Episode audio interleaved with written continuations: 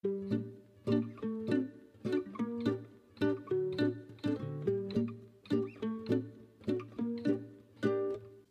is Neverending Stories, een podcast over de verhalen die ons en ons wereldbeeld hebben gevormd. Ik ben Rashida Lamrabet en samen met mijn twee gasten nemen we 's werelds grootste boeken, thema's en schrijvers opnieuw onder de loep. In deze aflevering spreek ik met Fatinha Ramos en Nathalie Leblanc over escapisme of de kunst van het ontsnappen aan het hier en nu. Fatinha Ramos is een Belgisch beeldend kunstenaar en illustrator. Ze werd geboren in Portugal, maar woont en werkt al decennia in Antwerpen. Rond 2013 besloot ze haar leven om te gooien en zich volledig te wijden aan haar kunst. Een beslissing die ervoor zorgde dat ze voortaan met een glimlach om haar lippen wakker wordt. Vanaf het moment dat je kiest voor jezelf en de dingen waar je van houdt, valt alles op zijn plaats. Ik geloof in de love attraction. Als je goede vibes de wereld instuurt, zullen die goede vibes altijd naar je terugkomen. Als kind zat Fatinha vaak in het ziekenhuis door een botziekte. En tijdens die lange weken in het ziekenhuis werd tekenen haar houvast. Tekenen heeft me gered. Ik tekende nieuwe werelden, werelden die me gelukkig maakten. Ondertussen heeft Fatinha een indrukwekkend palmares opgebouwd. Ze illustreert boeken en exposeert en ze illustreert ook voor Google, de New York Times en de Washington Post, om er een paar te noemen. Ze won de prestigieuze Global Illustration Award. Dat, is zowat, dat zijn zowat de Oscars voor uh, illustratoren. Niet één, maar twee keer. De laatste keer dat uh, was dat in uh, 2018 voor een tekening over discriminatie en ongelijkheid. Onderwerpen die haar na aan het hart liggen en heel vaak terugkomen in haar werk. Nathalie Leblanc werkt als redacteur en coördinator Human Interest op de redactie van Knak Weekend. Ze is naast journaliste ook schrijfster. In mei 2021 verscheen haar derde roman Op zoek naar Ida. Ik was enig kind en woonde bij mijn oma. Vaak zaten wij samen aan tafel, elk met ons boek. Dat klinkt ongezellig, maar het was zalig. Het idee dat je tijd en ruimte kreeg om in een andere wereld te verdwijnen, dat heb ik altijd mooi gevonden. Welkom allebei. Ik kijk er heel erg naar uit om uh, met jullie de mantel van het nu even af te gooien en in onze verbeeldingswereld te verdwijnen, waar er geen to-do-lijstjes zijn. En hoe kun je dat beter doen dan uh, via de literatuur? Want is literatuur geen escapisme pur sang? En is er iets wezenlijkers dan dat? Of om het in de woorden van het personage Dumbledore uit de roman Harry Potter and the Deadly Hallows te zeggen: Tell me one last thing, said Harry. Is this real? Or has this been happening inside my head? Of course, it is happening inside your head, Harry, but why on earth should that mean that it's not real? Het is niet omdat iets zich in je hoofd afspeelt dat het niet echt is. Onze verbeelding brengt ons naar een niet-fysieke wereld waar je toch aangeraakt wordt, waar je vaak ook in een soort van roes terechtkomt. En die roes is echt. En laat ons zijn in een wereld die wij voor onszelf wensen. Het laat ons ontsnappen aan de wereld van het praktische nut, van doelen en goals, zonder de aanwezigheid van de zwaarte, van de toekomst, die overal een schaduw overwerpt. Je zou dus denken, hoe onaangenamer de realiteit is, hoe groter de behoefte aan escapisme. Albert Camus, auteur van De Pest, het boek waarnaar gretig verwezen wordt in deze pandemietijden, zei dat mensen volbloed escapisten zijn. En dat vond hij meer dan normaal, want volgens hem leiden wij mensen een leven in een leeg en betekenisloos universum en proberen we daar de hele dag betekenis aan te geven door onze, door onze wereld of door ons werelden in te beelden die wel zinvol zijn. Maar is dat wel zo? Brengt de vlucht uit de werkelijkheid door de literatuur bijvoorbeeld ons per definitie naar een plek waar het aangenamer is? Escapistische samenleving treden vaak op in dystopische romans zoals Fahrenheit 451 van Ray Bradbury, waarin boeken verbannen worden en kritische gedachten worden onderdrukt. Boeken in, dat boek, in, dat, uh, in, in die roman worden opgespoord en verbrand. En er is een constante dreiging van oorlog. Het parallele universum van de literatuur zit vol met wat we ontvluchten. Verlies, ons eigen onvermogen, de pijn van onvervulde liefdes en de dood natuurlijk. De plek waar we naartoe gaan met onze verbeelding is dus niet altijd een veilige, betere plaats, maar het is een plaats waar je je kan bekwamen in verlies, onzekerheid en lijden. Het is een grote leerschool van het leven. Fatinja, wat heb jij allemaal geleerd in de wereld van je verbeelding? Hallo Rashida, Hey. bedankt. Dat is een goede vraag.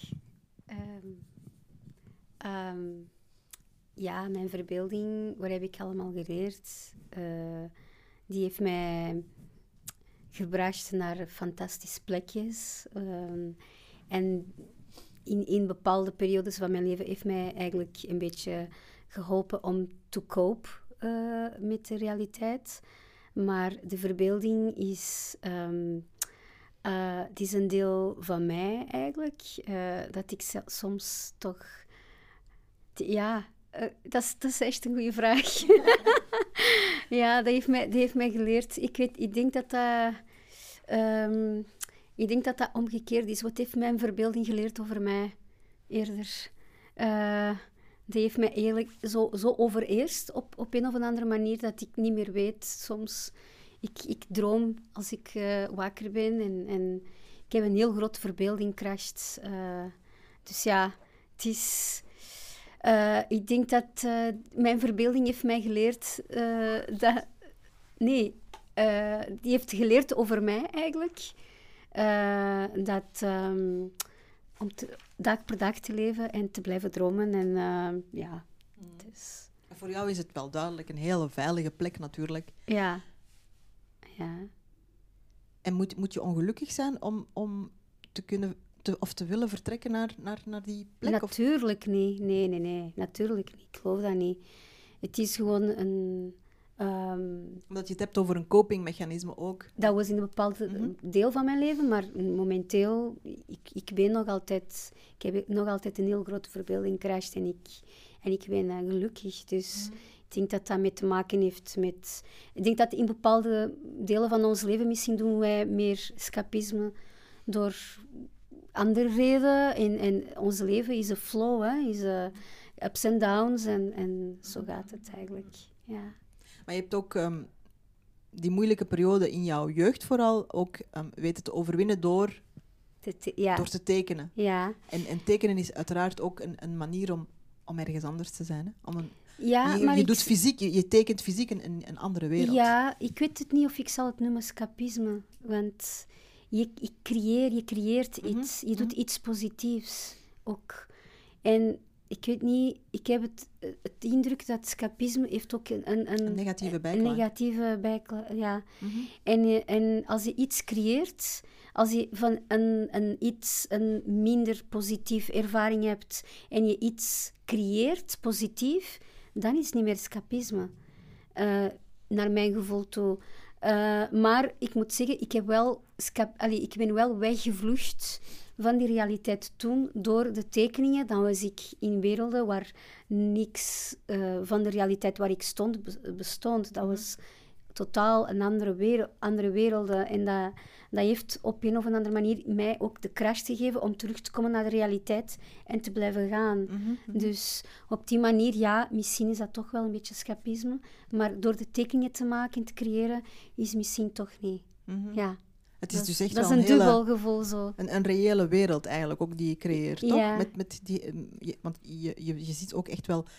eh, je ervaart ook gevoelens en... en, en ehm, je kan je eigenlijk een hele nieuwe wereld voor het, voor het oog halen Ja. ehm, die eigenlijk niet bestaat. Ja, maar ik word nu momenteel meer en meer geïnspireerd door wat... ehm, ik probeer eigenlijk met mijn illustraties mensen te raken. En ik kan niet mensen raken als ik zelf niet geraakt word. En, en misschien inderdaad moet ik reizen tussen haakjes naar binnen mezelf. uh, om zo'n soort um, breekbaarheid te tonen en te kunnen connecteren met mensen. Door de tekeningen. Mhm.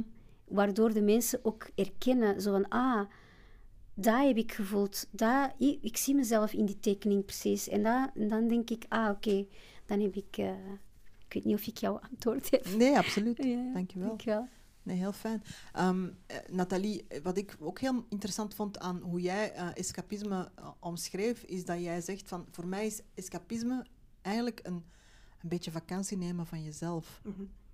Eigenlijk iemand, een beetje iemand anders worden of iemand in, in iemand anders hoofd kruipen en ja. even jezelf vergeten. Ja, ik vond het interessant dat je in de inleiding zei van, dat, je, dat, mensen, dat we escapisme denk ik associëren met een onaangename situatie waar we uit willen ontsnappen. Maar zo zie ik dat eigenlijk helemaal niet. Ik leef in een zeer aangename situatie. Alleen af en toe wil ik daar wel uit. Ik ben een 52-jarige witte vrouw die haar kost verdient met schrijven en um, in Leuven woont en, en in Oostende opgegroeid is. En dat is een, een oké leven, maar dat is ook een heel beperkt leven. En misschien wil ik wel eens een paar uur een um, zwarte man in Zuid-Afrika zijn ten tijde van apartheid of een Indische vrouw um, bij de onafhankelijkheid, onafhankelijkheid van uh, India en Pakistan. Dus boeken geven u die mogelijkheid. En zelfs als kind al was dat, dat is toch gewoon een van de leukste dingen die er is. Je, je haalt gewoon een ander leven uit de kast en je zet je daar een tijdje in en je leeft mee met de mensen die dat leven aan het leiden zijn. En dat, dat, dat was, zoals je ook in de inleiding zei, ook niet altijd... Dat zijn allemaal geen vrolijke boeken. En, en je, je maakt heel dramatische dingen mee in andermans leven. Het voordeel is dan dat je die niet zelf meemaakt. Maar het, het doet je wel ontsnappen uit wie jij bent. En dat vind ik behalve zeer entertainend ook leerrijk.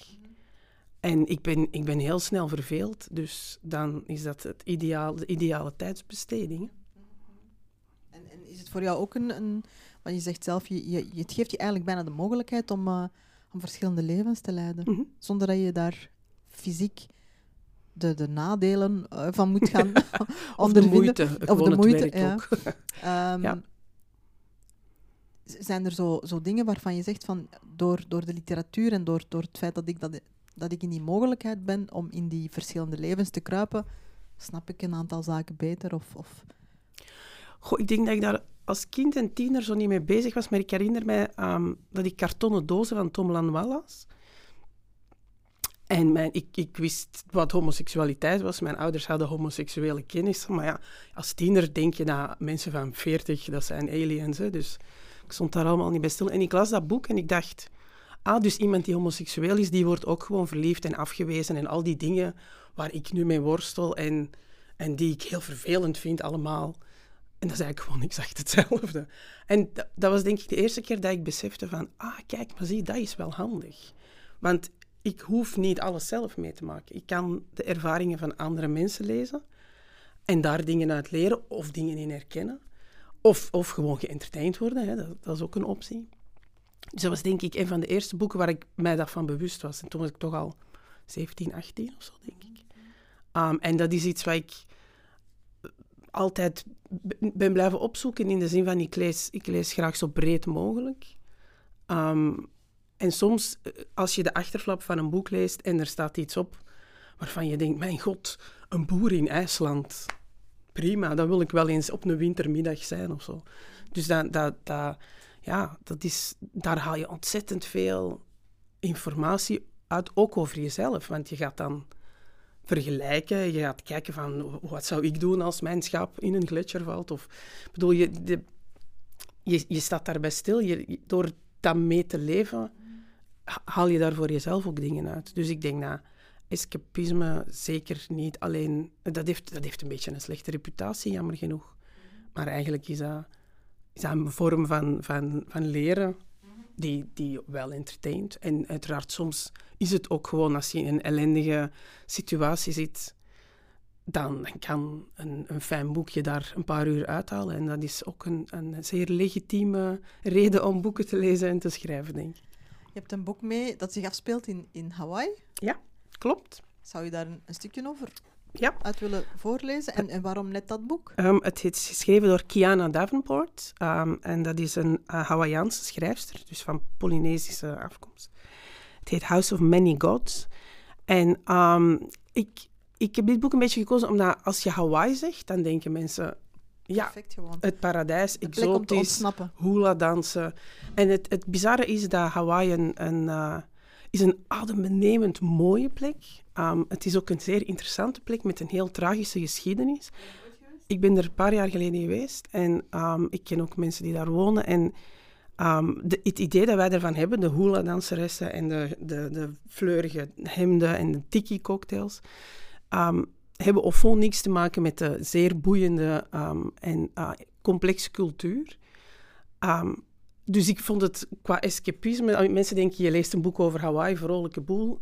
Dit is geen vrolijke boel, het is een heel mooi boek. Het gaat over een jonge vrouw die vertelt over haar moeder, haar familie... en over een Russische man waar ze verliefd op wordt. En de vrouw die aan het woord is in het fragment is haar moeder... die aan haar Amerikaanse vriend vertelt over wat, ze, wat voor haar belangrijk is.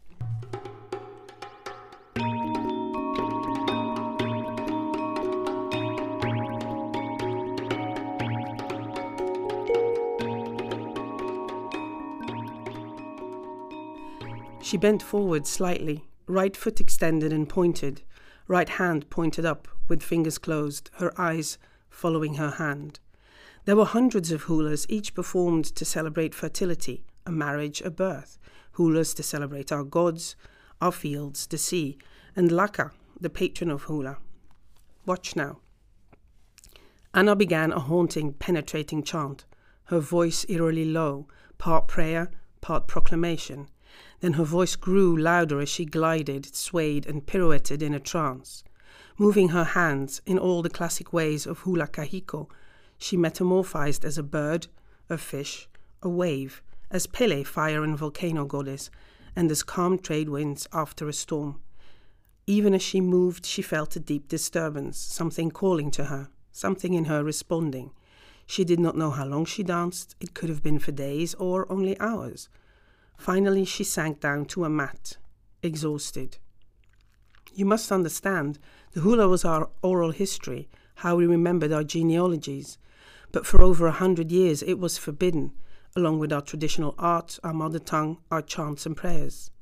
In this way, the missionaries cut out our tongues, cut off our arms. This was how they colonized our islands. I never knew you gave such thought to your history, he said. How do you remember all this, the words, the dance? She, she explained how it was not remembered. It was just there, like breathing, how this knowledge had been passed down for centuries. Each mother gave her child this gift of voice, of dance, of life. I learnt the hula in my mother's womb. While she was dancing, I was formed in the rhythm of her fluids. And in turn, I danced until a child quickened in my womb. Then my feet stopped moving and my heart turned hard.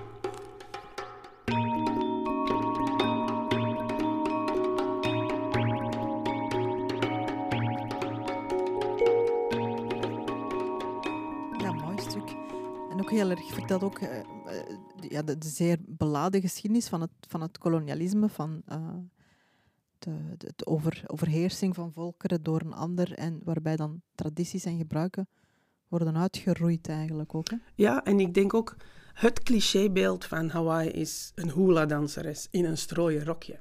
En die dansen effectief in strooien rokjes, zo blijkt. Alleen is hula geen, ehm, geen, geen onnozel vermaak. Het is, het is een, een vorm van verhalen vertellen die wij... Dans is, in, in de, de, de Europese cultuur niet zo'n grote verhalenverteller. Dat is bij ons uitgemond in een soort klassiek ballet, wat, dat verhaal, wat verhalen vertelt, maar wat niet iedereen kan dansen. Terwijl in veel andere delen van de wereld worden de, de, de dansen die de verhalen van een cultuur vertellen, wel door iedereen gedanst. En, en op Hawaii is dat zo. En dat, is, dat vond ik zo mooi, omdat als je tegen mensen zegt van ik ga op vakantie naar Spanje, dan zeggen ze tof. Als je zegt ik ga op vakantie naar Hawaii, dan zeggen ze wow, hoe cool. En, en, dat, dat, idee van je gaat naar een heel andere wereld en dat is ook heel ver van ons vandaan, letterlijk. Hè, dat is aan de andere kant van de wereld. En daar bestaan zoveel clichés over. En een boek als dit is, is zo um, verrijkend, omdat je daar leert dat die clichés langs geen kanten kloppen. Maar wel ook hoe mooi die cultuur kan zijn waar, die wij misschien niet begrijpen, maar, maar waar je je wel in kan vinden, gewoon om, omdat ze op een manier verteld wordt die jou ook raakt. En dat is, dat is voor mij de definitie van escapisme. En of je nu drie bent en een verhaaltje voorgelezen krijgt, of, of 52 en een boek leest, dat is op reis gaan. Dat is wat ik bedoel met vakantie uit je eigen leven. Je gaat, je gaat op reis en je ontdekt nieuwe dingen over andere mensen, andere plekken en ook over jezelf. En het is ook gewoon mooi.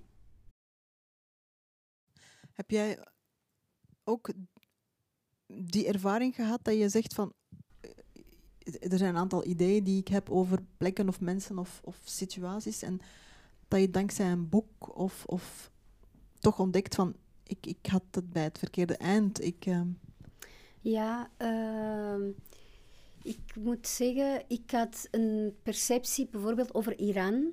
Dat uh, door, door een boek Persepolis, Persepolis te lezen, uh, weer al grafisch, graphic novel, uh, geschreven door Marjan uh, Satrapi, ja.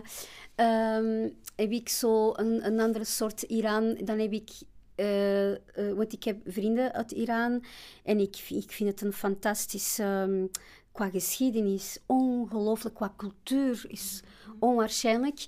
Maar mijn idee, die idee dat wij, wij hebben zo, wij hebben allemaal bias. Ik weet niet hoe moet ik dat zeggen in het Nederlands. Vooroordelen? Vooroordelen. Over, ja, dat is iets dat wij allemaal hebben. En mijn idee is dat uh, in Iran, dat de, uh, dat de vrouwen tot, totaal uh, onder, allez, onderdrukt werden en, enzovoort. Maar eigenlijk, als je naar de geschiedenis van Iran kijkt, dat was een heel vrij land. Hè? Dat was echt, uh, qua politiek en zo. Uh, ik, ik, heb echt meer leren, uh, geleerd over Iran dat ik nooit geweest ben. Maar door eigenlijk die boek, ja, dat, dat boek, dit boek. Alles mag hier. Nee, is... Alles kan, er zijn geen regels. Ja, ja, ja. ja. Jij hebt ook iets meegebracht wat ja. je zou willen het is, voorlezen. Uh, het is wel ook van die andere kant van de wereld. Ja. Gebracht van Australië. Aha. Uh, het is The Arrival van Chantan. Ja. En er zijn geen woorden. Uh, het enkel is tekeningen. Enkel tekeningen. Het is een, een graphic novel. Laat ons zeggen, ik, voor mij is dit een silent book. Silent books, die, die worden ook gemaakt voor kinderen. Die zijn wel niet zo dik, maar voor mij een silent book is een verhaal die verteld wordt alleen door beelden en niet door uh, tekst. Dus wat ontzettend moeilijk is om te maken en om goed te krijgen. Omdat dat kinderen van allerlei, of mensen van allerlei culturen en achtergronden moeten die verhaal... Moet het verhaal kunnen begrijpen. Kunnen begrijpen, of toch wel het grootste deel van, van het verhaal. En het is ook een reis. Dat is een reis van een immigrant uh, vol surrealisme, want ik ben fan van surrealisme sowieso. En uh, ja, over, het is eigenlijk um, op een heel cine, cine, cinematografisch manier gemaakt. Eigenlijk bijna um, een, een, een, dus een film, maar eigenlijk gemaakt gewoon door stille beelden. Mm -hmm. Die vertellen dat verhaal. Mm -hmm. En dat vind ik fantastisch. Want ook als illustrator moet je ook... Uh, je bent een beetje zoals een, een cinema... Uh, directeur, director. Je moet weten, we gaan jouw personages aandoen, hoe ga ik dat tonen, wat ga ik vertellen, op welke manier, op welk perspectief, uh, de, het licht. Allee, je bent een beetje alles. Uh, ja, en, en hij, is, hij heeft dat hier ja, gewoon gedaan. Ook prachtige prachtig, kleuren ook, hè? prachtig achtige ja, de, de, de, de, sfeer, de, het verhaal, de, de, het gevoel, het gevoel van uh, weg te zijn, van Ja, het is een universeel verhaal, hè? inderdaad, ja. van mensen die naar het onbekende trekken, en maar dan letterlijk echt in een soort van utopie terechtkomen met allemaal, ja, eigenlijk bijna, ja, het is ook niet, niet echt een veilige plek waar ze, waar ze naartoe trekken. Hè. Ja, ja, ja, met ja, ja, rare, ja, ja. Ja, ja, rare echt- wezens. Er is ook wel wat vijandigheid. Ja, eh, maar je, je herkent het wel. Je, je, je, Ik herken je, dat. voelt het, je voelt het wel. Ik, ben, ik herken dat omdat ik ook zelf een immigrant ben. En, eh, en ik herken, er is een gevoel dat hij probeert hier ook te beschrijven. En dat is een gevoel dat wij in Portugees gebruiken. En wij zeggen saudade. Saudade is het enige woord in Portugees dat niet vertaald kan worden. Omdat dat zo gelaagd is.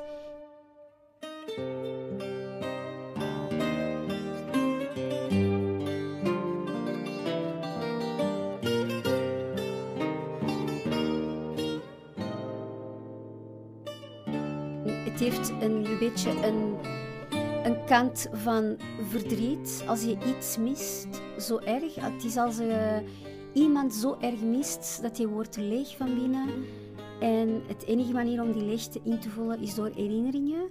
Dat doet zoveel pijn, het is de zielpijn bijna. Maar je kunt ook saudade gebruiken als iets positiefs. Dat je aan je herinneren, zo een, een lekker wijn dat je in die moment hebt gedronken. Of, maar het is niet echt... Wij gebruiken ook saudade om te zeggen hallo aan iemand. Dus het is echt... Wij Portugezen kunnen dat zelfs niet goed uitleggen. Ik kan dat... Ja, het is... En wat staat geschreven op Wikipedia... Eigenlijk is maar een klein stuk niet. van... Dat klopt niet echt. Nee. ehm, dus, eh, dus wat, ik- wat ik wil zeggen is, saudade is, ik kwam terug naar België en ik miste mijn familie zo erg. En toen bestond er geen WhatsApp, geen, geen eh, goedkope vluchten en geen... eh, dus, dus dat missen was zo erg dat dat deed zoveel pijn.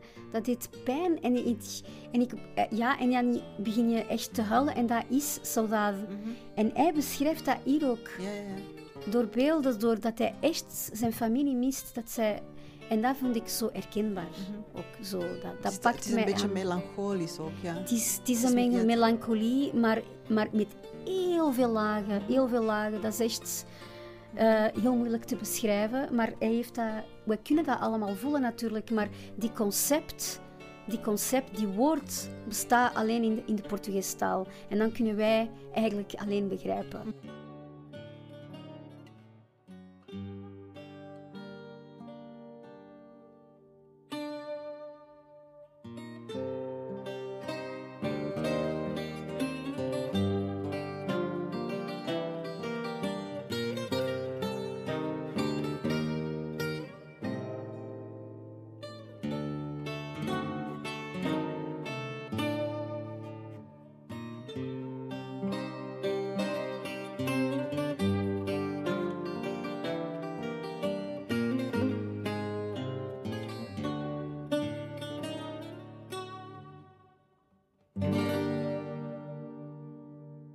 Bestaat ook een woord dat, dat heeft mij eeuwen lang geduurd om te begrijpen. Het is gezellig.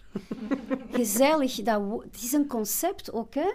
Het is niet, wat is gezellig? Wij hebben dat niet. Wij, het Het is niet. gezellig. Dit, dit Dit is, gezellig, maar, maar dat bestaat dan niet in Portugese cultuur, dat bestaat niet in Latijnse cultuur, in Spanje, in, Eng- in Engeland bestaat... Allee, dat gezellig, ja, bestaat misschien in, in, in Noordisch, ik denk dat in Deens zoiets dichtbij bestaat ook, qua concept, met een ander woord.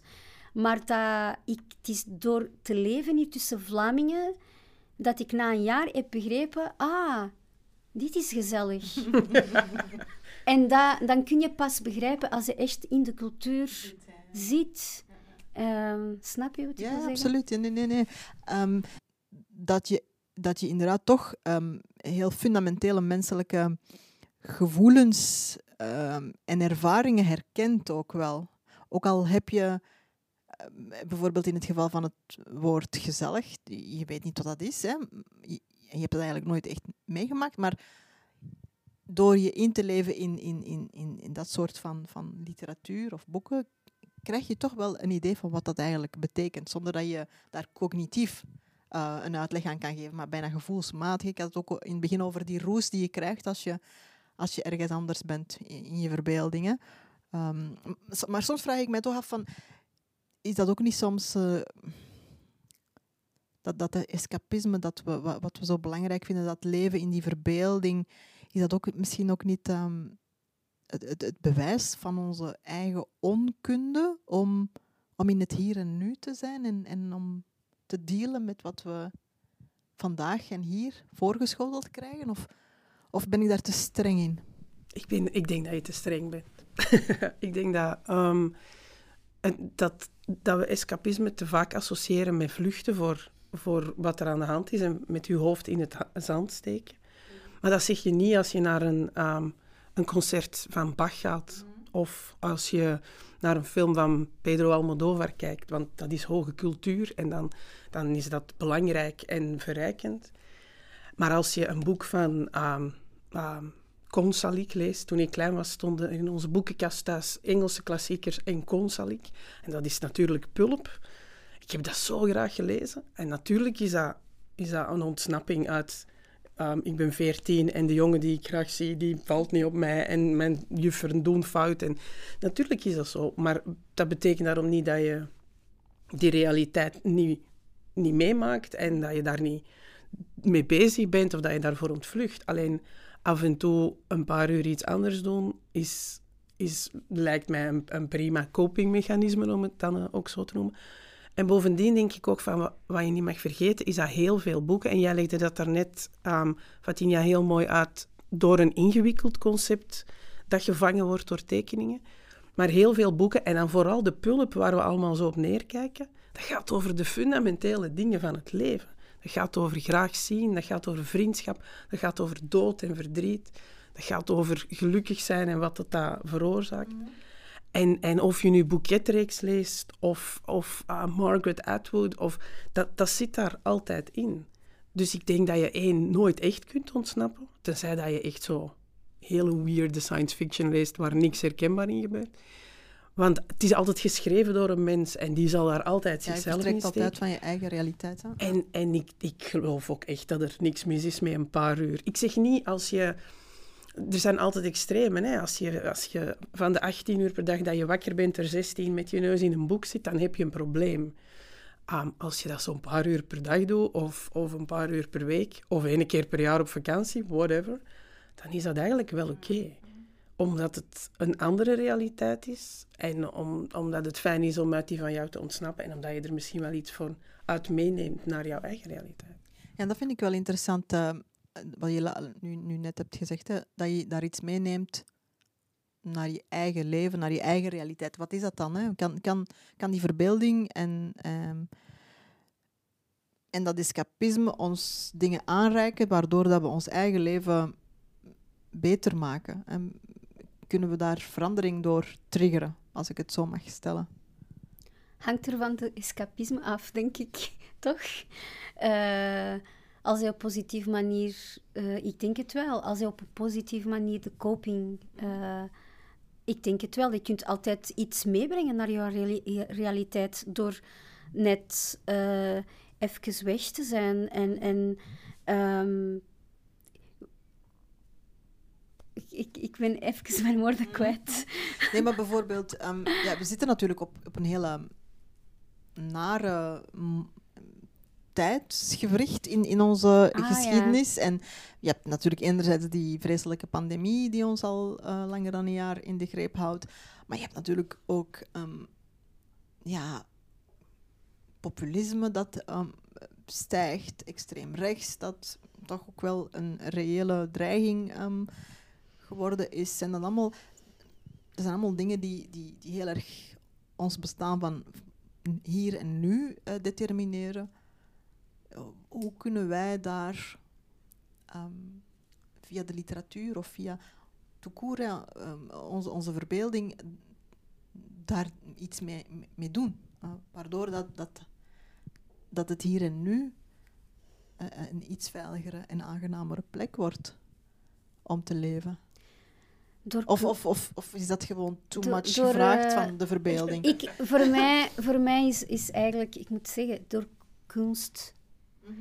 Ja, sorry, ik ga, ik ga mijn eigen vies verkopen.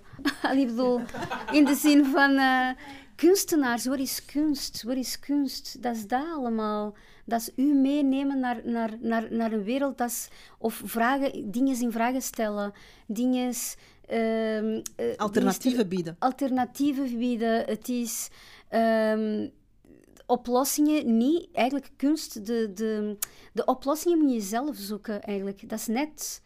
Dat is net dat, maar, maar dat is wat kunst maakt, dat is wat schrijven is, dat is wat beeld, beeldende kunst, cinema. Allee, moest dat dan niet allemaal bestaan in de pandemie? Ik weet het niet.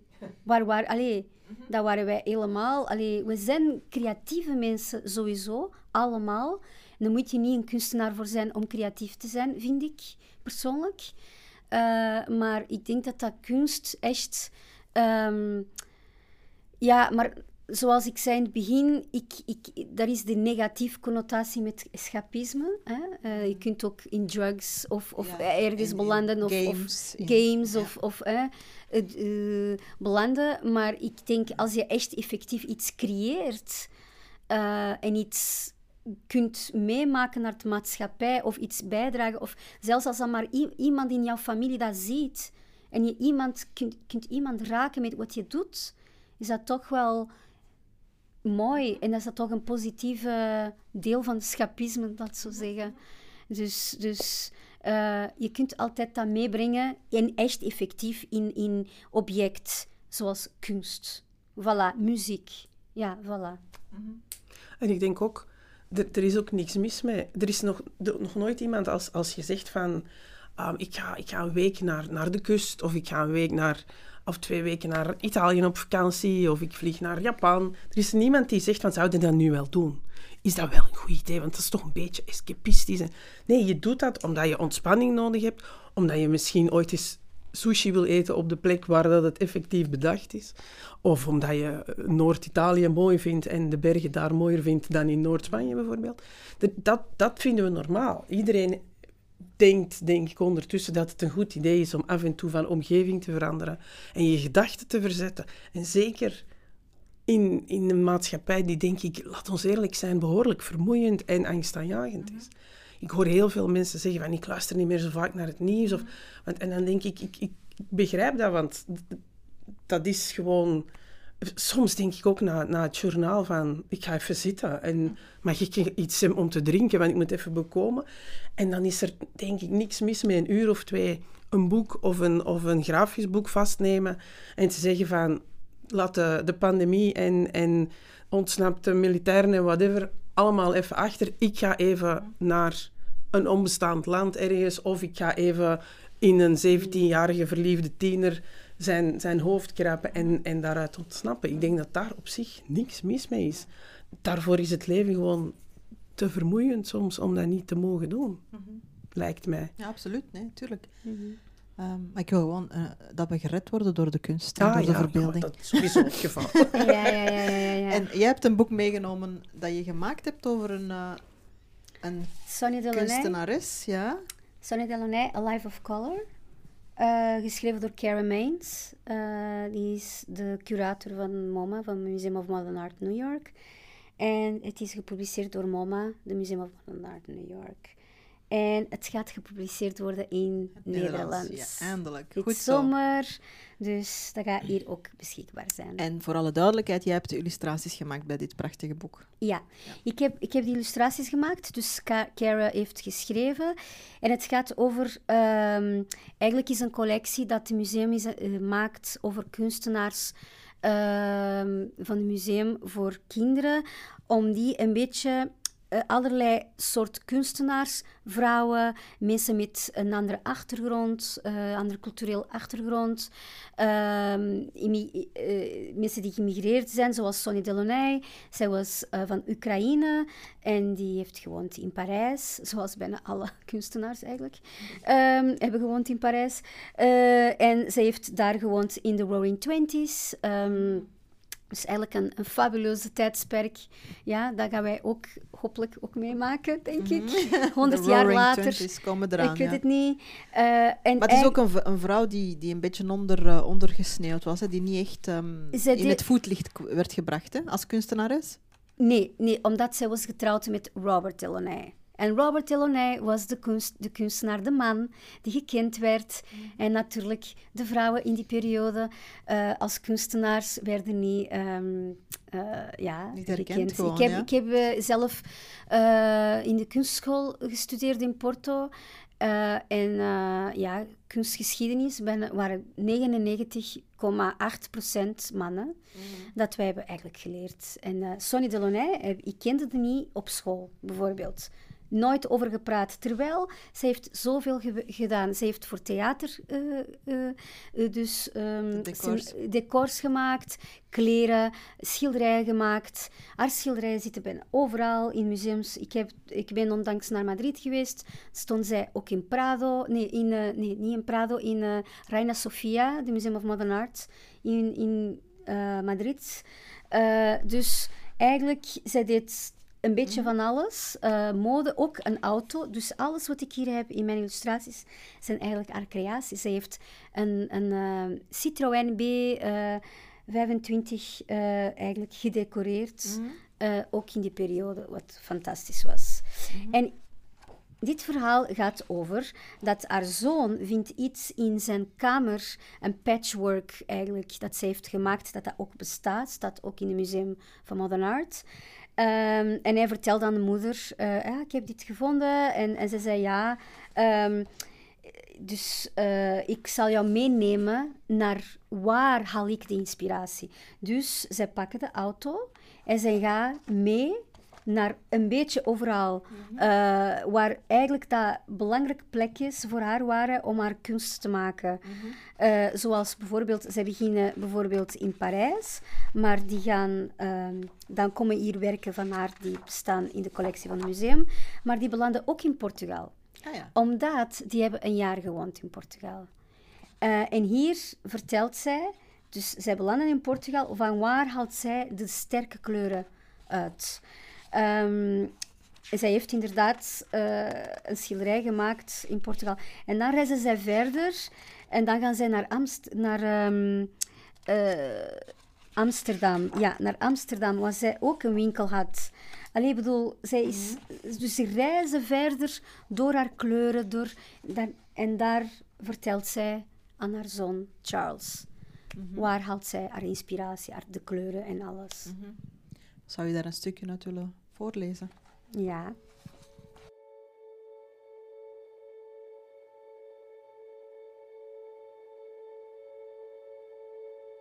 We have one last stop, Sonia said, and they blasted off in their colorful car.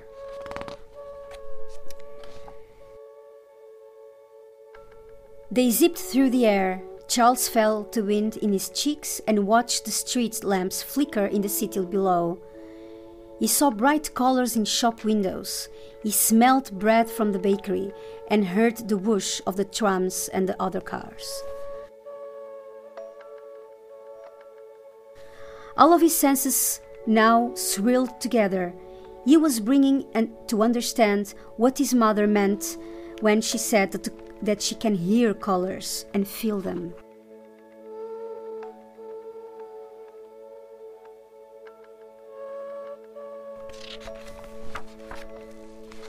We've just arrived in Amsterdam, Sonia said, at a store that sells fabrics I design.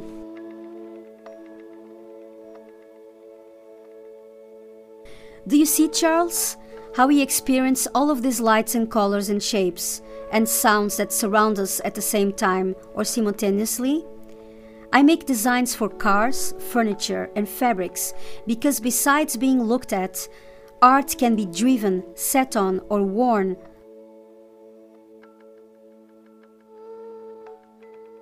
Art is all around us, always.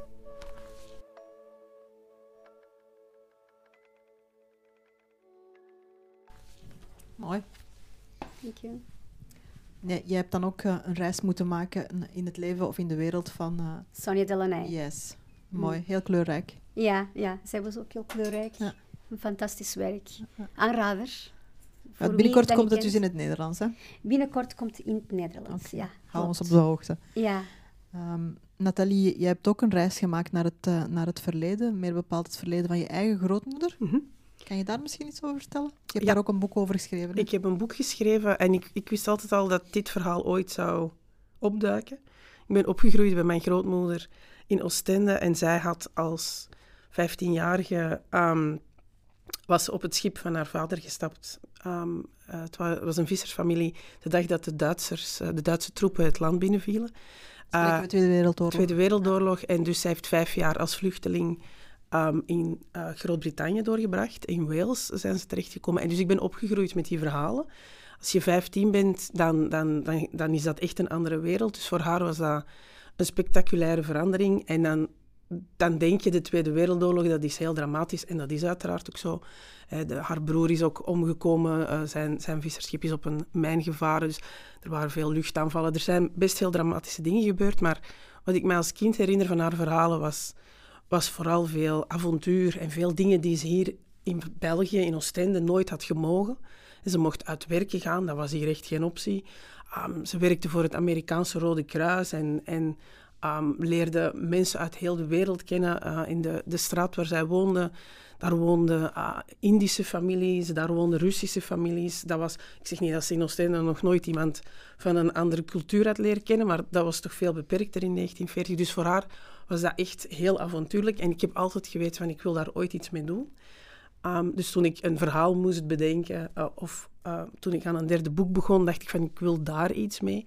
En het verhaal dat ik in mijn boek beschrijf eh, van Ida is niet het verhaal van mijn grootmoeder. Deze vrouw is ouder en kan dus andere dingen meemaken dan een 15-jarige. Maar het, is wel, het speelt zich wel af in dat universum. Dus ik heb het, ehm, het plezier gehad om daar research naar te mogen gaan doen. Ik ben ook naar Cardiff gereisd, waar ik als kind ooit wel eens geweest was, maar mij niet veel van herinnerde. Um, en ik heb het ook, um, ik, ik, ik heb een, het verhaal van Ida, dat zich tijdens de Tweede Wereldoorlog afspeelt, gemengd met het verhaal van haar kleindochter, dat zich nu ongeveer afspeelt. En om die twee te linken um, heb ik een schilderij gebruikt. Dus er is, er, er is een schilderij gemaakt van een vrouw door een van de bekendste Britse schilders, een van de bekendste schilders ter wereld, in, in, mijn universum dan. Hè. Niet, hij bestaat niet echt, ik heb hem uitgevonden. En als die man sterft, zegt hij van dat ene schilderij, een van de eerste dingen die ik ooit heb gemaakt. Mijn familie moet de vrouw op dat schilderij of de familie van die vrouw zoeken en ze moeten dat aan haar geven. En dat schilderij is een miljoen waard, dus dat is echt het is, het is een, een, een, een, beetje romantische literatuur, dus het is, het is, het er moest ook een, soort uh, verhaal in zitten dat het een beetje spannend maakt. En dat linkt die twee verhalen. Dus die kleindochter is een van de potentiële um, ontvangers van een heel duur schilderij, omdat ze weet dat haar grootmoeder in Wales gewoond heeft tijdens de Tweede Wereldoorlog. En we volgen ondertussen ook het leven van de grootmoeder, die effectief een schilder leert kennen. Um, en en het, het, het leuke aan schrijven, vind ik, is dat het ook voor mij een vorm van escapisme is. In de maanden dat ik, dat ik schrijf, dan leven die mensen in mijn hoofd, wat dat soms vermoeiend is en soms leuk. Um, en en je, je, je moet nieuwe dingen gaan ontdekken, je moet nieuwe dingen uitzoeken. En een van de dingen die ik moest uitzoeken was hoe het is om te poseren voor een schilder. Er is een, een heel interessant boekje geschreven door een man die ooit voor Lucian Freud heeft geposeerd. The Man in the Blue Scarf heet het. En dat is een boek van 300 bladzijden over hoe het is om te poseren. Nu, Lucian Freud deed er maanden en maanden over om uh, zijn werk af te maken. Dus het is een heel interessant boek. Maar je, je krijgt dus de mogelijkheid om dat soort dingen te lezen. En dan um, mag je daar iets mee doen in je verhaal. En dat, dat, dat eindigt dan op drie bladzijden of zo. Maar dat is het leuke, vind ik, aan zelf dingen creëren. Dat is een excuus om dingen uit te zoeken waar ik eigenlijk geen zaken mee heb, maar die ik gewoon interessant vind. Ik, als het goed is, dan ga ik daar een graag, stukje van graag. Dus um, Ida, Ida is een um, jonge Vlaamse vrouw. Uh, begin de twintig heeft een jonge Britse man leren kennen, een aristocraat die gewond is um, tijdens de ontruiming van Duinkerke. En die eigenlijk van plan was om, um, zoals al zijn andere familieleden, rechten te gaan studeren en in het Britse parlement en iets belangrijk in de regering te gaan doen. Want dat is wat zijn familie doet. Alleen, hij is eigenlijk een kunstenaar. Maar dat wordt duidelijk niet aangemoedigd door zijn familie. Alleen hij leert die jonge Vlaamse vrouw kennen en die heeft zoiets van, maar als je dat kunt en je vindt dat belangrijk, dan moet je dat ook doen. Ze beginnen een relatie, zij stimuleert hem om te schilderen en op een moment is hij ook klaar om haar te schilderen.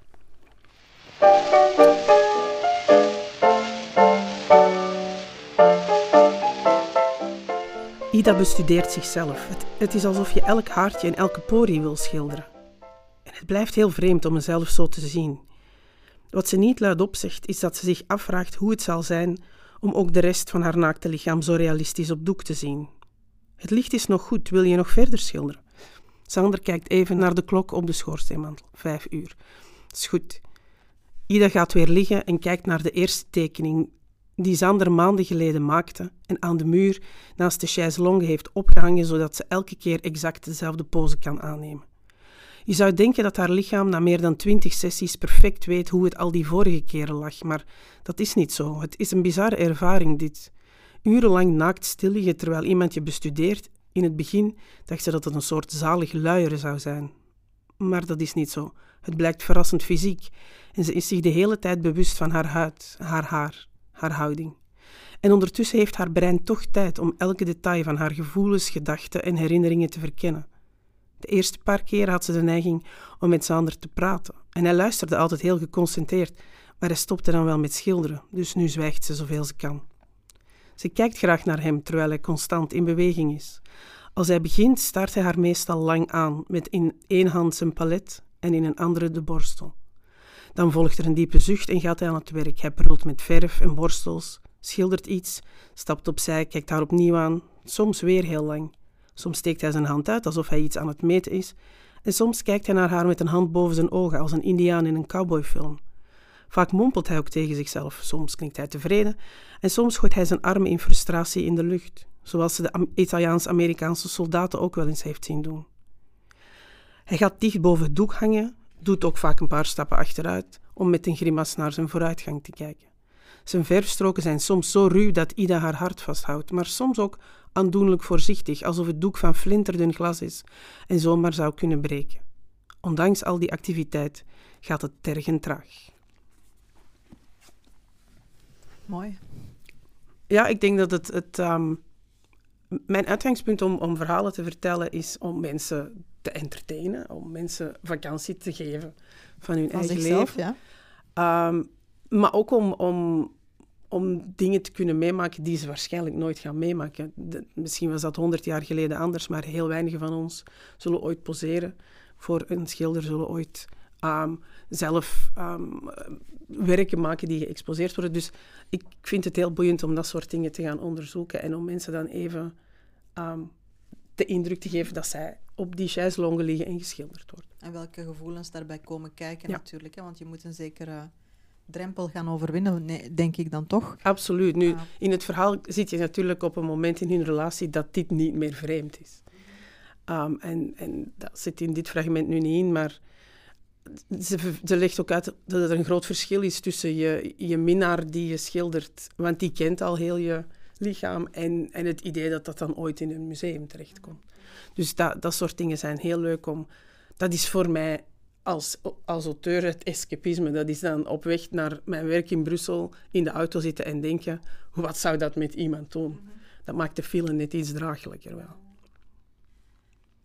Fatinha, heb jij ooit iemand geportretteerd? Ja, ja. Die manier? Uh, ja, maar het was eerder in de kunstschool. Aha. We hadden drie uur per dag, per dag, nee, per week. Uh, iemand die kwam poseren voor ons. Ja. En hoe was het dan? Want we hebben nu de versie van iemand die het model, zeg maar. Maar hoe, wat doet dat in het hoofd van de tekenaar of de schilder? Uh, eigenlijk om, om iemand om een portret, een portret te maken. Ja, vooral een naakt portret? Vooral een naakt portret, ja. Het is eigenlijk, ja, voor mij was dat eerder kijken. Een van de um, basisdingen om goed te tekenen is observeren. We kunnen soms kijken, maar wij observeren niet. En dat is eigenlijk iets van tegenwoordig, dat wij passeren dingen en wij, wij zien dingen niet meer rondom ons. En, um, en je leert eigenlijk te observeren, dan iemand te observeren uh, die je niet, eigenlijk niet kent. Dus in mijn geval, ik kende de mensen niet. Um, en we stonden wel met alle studenten rondom natuurlijk. Maar uh, je, je, je, je ziet eigenlijk de mooi van, van, van die persoon toch wel. Ik ben wel een, een optimistisch ingesteld, maar je leert eigenlijk allee, de proporties en allemaal, maar soms zie je zo dingen dat dat eigenlijk op zich je niet mooi vindt. Bijvoorbeeld, je denkt misschien is zo een neus, een grote neus niet mooi, maar in die gezicht is het toch wel mooi. En, en dan zie je dingen dat je eigenlijk begint te kijken op een andere manier.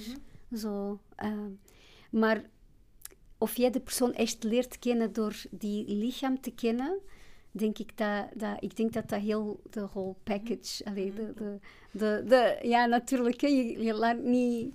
Uh, maar wij hebben bijvoorbeeld, ik heb een zwangerschap gevolgd. We hebben uh, door te tekenen. Dus we hebben een vrouw gevolgd, een van onze modellen. En dat vond ik ook zo mooi. Zo de verandering van, van haar lichaam uh, naar negen maanden zwangerschap. En alle posities en alle... Vond ik super mooi om te doen. En je leert eigenlijk een beetje van de persoon kennen, toch wel. Mm -hmm. ja. Mm -hmm. de, de persoon die jij in je roman um, opvoert, de, de, het model, is, is ook iemand die gewoon stil moet staan en, en stil moet zitten, op, elke keer in dezelfde houding. En eerst praten ze met, met de, de schilder, maar daarna niet meer. Uh, begon ze inderdaad in haar eigen wereld te, te vertoeven, meer en meer. Is, is dat ook iets wat, wat, wat, wat een voorwaarde is, om, om, om inderdaad te kunnen vertrekken in die verbeeldingswereld, dat je gewoon ergens gewoon ter plaatse halt moet houden? Ja, ik denk dat je... Um, ik, ik denk dat fantasie een, een, um, een intrinsiek menselijk ding is. Hè. Ik heb geen idee of olifanten fantaseren, hopelijk voor hen wel, maar wij doen dat. En dat heeft, veronderstel ik dan, heel belangrijke functies, waar we het al uitgebreid over gehad hebben. Um, dus ik denk dat, dat kinderen dat vanzelf doen. Dat kinderen een brievenbus zien en zeggen, daar zit een gezichtje in. En dat, dat we dat misschien afleren. Een beetje zoals Picasso zei dat iedereen een kunstenaar was en dat we dat afleren. Ik denk dat dat, dat, dat ook met fantasie zo is. Want dagdromen, dat hoort niet meer als je volwassen bent. Terwijl er is toch echt niets fantastischer dan als je toch op de bus zit te wachten. Ik, ik ben iemand die altijd overal verhalen ziet. Dus als twee mensen een raar gesprek hebben en ik heb dat gehoord, tegen dat ik thuis ben, heb ik heel die hun leven bedacht. Dat is hoe mijn brein werkt. En ik denk dat je... Dat zal niet voor iedereen zo zijn, maar ik denk dat dat... En daar maak ik dan verhalen mee. En dat is gewoon wat wij doen als diersoort. Of dat je daar nu tekeningen mee maakt, of muziek, of, of literatuur, of, of gewoon pulp. Dat is, dat is wat wij doen. En je vertrekt vanuit jezelf, vanuit een situatie. En er komt altijd wel iets, mm. denk ik. Ja. ja. Jij, jij gelooft dat ook, hè, dat kinderen um, tekenen en, en dat in zich hebben. Ja. Maar dan op een gegeven moment houden we op met tekenen. Ja, ja, ja. Um, dat doen we dan wel, want met fantasie ons van, in ons brein, we zitten daar heel de tijd wel in. Dat kunnen we niet stoppen, maar waarom doen we dat dan, denk je? Dat, dat heeft als... mee te maken met een aantal factoren. Dat heeft mee te maken met, met, uh, met uh, uh, de sociale situatie, met de school, met, en ook de leeftijd. Want vanaf 8, 9, dan begint eigenlijk, dat heeft mee te maken vanaf het moment dat je begint angst te, te erkennen. Vanaf het moment dat wij angst hebben, dan hebben wij schrik. Oeh, ik kan deze niet tekenen. Oeh, dat gaat niet zo goed. Uh, perfectionisme. Ja. Um, en dat is eigenlijk de killer van creativiteit. En, want als je vraagt aan kleinkinderen, tekenen hier iets, die beginnen gewoon te tekenen zonder na te denken. Mm -hmm. Zonder na te denken. Wij kunnen dat ook, maar wij hebben zoveel filters, barrières, we hebben zoveel barrières ja. tussen ons dus in onze gedachten, dat, dat, dat wij iets, ja, die, die houdt ons tegen. Dus um, ja, ik geloof wel dat wij allemaal creatief, nog creatief zijn. Uh, alleen sommige mensen maken daar zijn eigen leven van, zoals ik, of zoals jij, ja, ja. Uh, door, door iets te, creatief te zijn. En andere mensen kiezen dat niet om dat te doen. Dat is op zich niet erg. Maar ik, ik vind niet uh, dat alleen de mensen die werken in creativiteit, iets gerelateerd met creativiteit, zoals kunstenaars of whatever, alleen die zijn creatief. Dat niet. Wij, kunnen dat, wij hebben dat ook gezien met corona. Hoe creatief waren de mensen om bepaalde regels te ontsnappen, bijvoorbeeld. Allee, bijvoorbeeld allee, hè, dus je kunt creatief zijn op verschillende manieren. Maar kinderen, waarom verliezen wij dat? Dat heeft met te maken met een aantal sociale achtergronden, factoren die echt, uh, ja, uh, en ook de, de education system. Mhm. Ja, klopt. Dat, dat heeft dat niet... een grote impact. Hè? Dat de is niet echt een, uh, bevorderlijk voor de creativiteit. Ja. ja. dat wordt altijd ook onderschat. En uh, het is beter uh, als je meer weet over investeringen. dan, ja, dat is, dat is echt toch wel...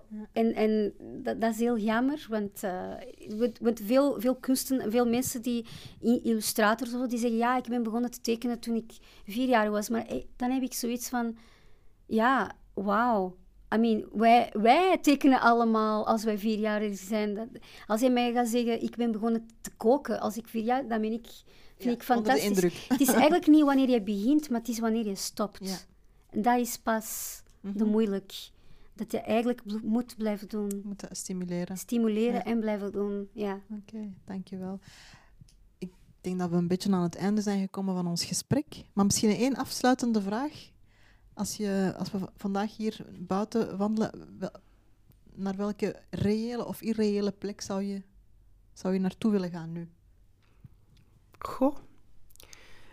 Ik heb een heel concreet boek liggen. Um, ik heb een boek liggen van een van mijn favoriete schrijvers, uh, Ian Banks. Die is een paar jaar geleden overleden. En zijn laatste boek, The Quarry, heb ik nog altijd niet gelezen. Omdat ik altijd een boek wil hebben van Ian Banks dat ik nog niet gelezen heb. En ik heb deze week beslist dat ik het dan toch ga moeten lezen, want de man is ondertussen vijf, zes jaar dood en die kan mijn illusie niet blijven houden. En Ian Banks is iemand met een onwaarschijnlijke fantasie. Die is, die, die is bekend geworden met uh, zowel science fiction uh, boeken als gewone fictieboeken, maar ook in zijn gewone fictieboeken creëert hij werelden. Die man had gewoon een heel bizar brein. En dat is een plezier om te lezen. En ik heb gisteren een ander boek uitgelezen en ik heb vanmorgen, voor ik naar hier kwam, The Quarry uit de kast gehaald en op tafel gelegd. Van daar begin ik vandaag aan. Dus dat is heel concreet waar ik straks Fijn. naartoe moet. Leuk vooruitzicht. ja. ja, ik, uh, het is niet zo boeiend, zoals, alhoewel, het is ook zo, maar uh, uh, ik, ga, ik ga straks werken en ik moet, en ik moet een illustratie maken over inclusiviteit, Um, voor een cover ook van een boek. Uh, maar dat gaat over eigenlijk creativiteit. Allee, um, dat gaat over illustrators eigenlijk. En ik moet uh, dus inkruipen in... Het is echt heel moeilijk te verbeelden. Uh, ja, het zijn abstracte concepten Het is een heel abstract concept, inclusief. En, en dat moet donker, licht. Dus uh, ja, dat gaat mijn reis straks zijn eigenlijk. Ja, proberen vatten van wat inclusie ja, als beeld kan opleveren. Ja, ja, ja, ja, dat is niet evident, nee. Maar je, het gaat lukken, daar ben ik zeker van. Dankjewel, merci. Dank jullie wel voor dit gesprek. Ik vond het ongelooflijk boeiend. Dank, ik ook. Het ja, leuk. Dankjewel. dankjewel.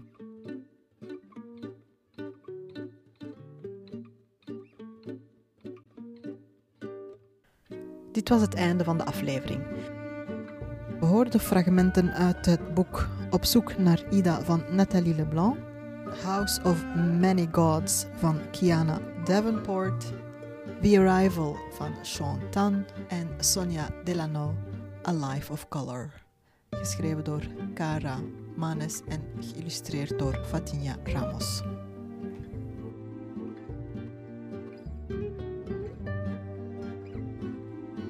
Deze podcast is een initiatief van Rose Stories in samenwerking met de buren en Vandel CS, met de steun van de gemeente Amsterdam-West, het Nederlands Letterenfonds en Literatuur Vlaanderen.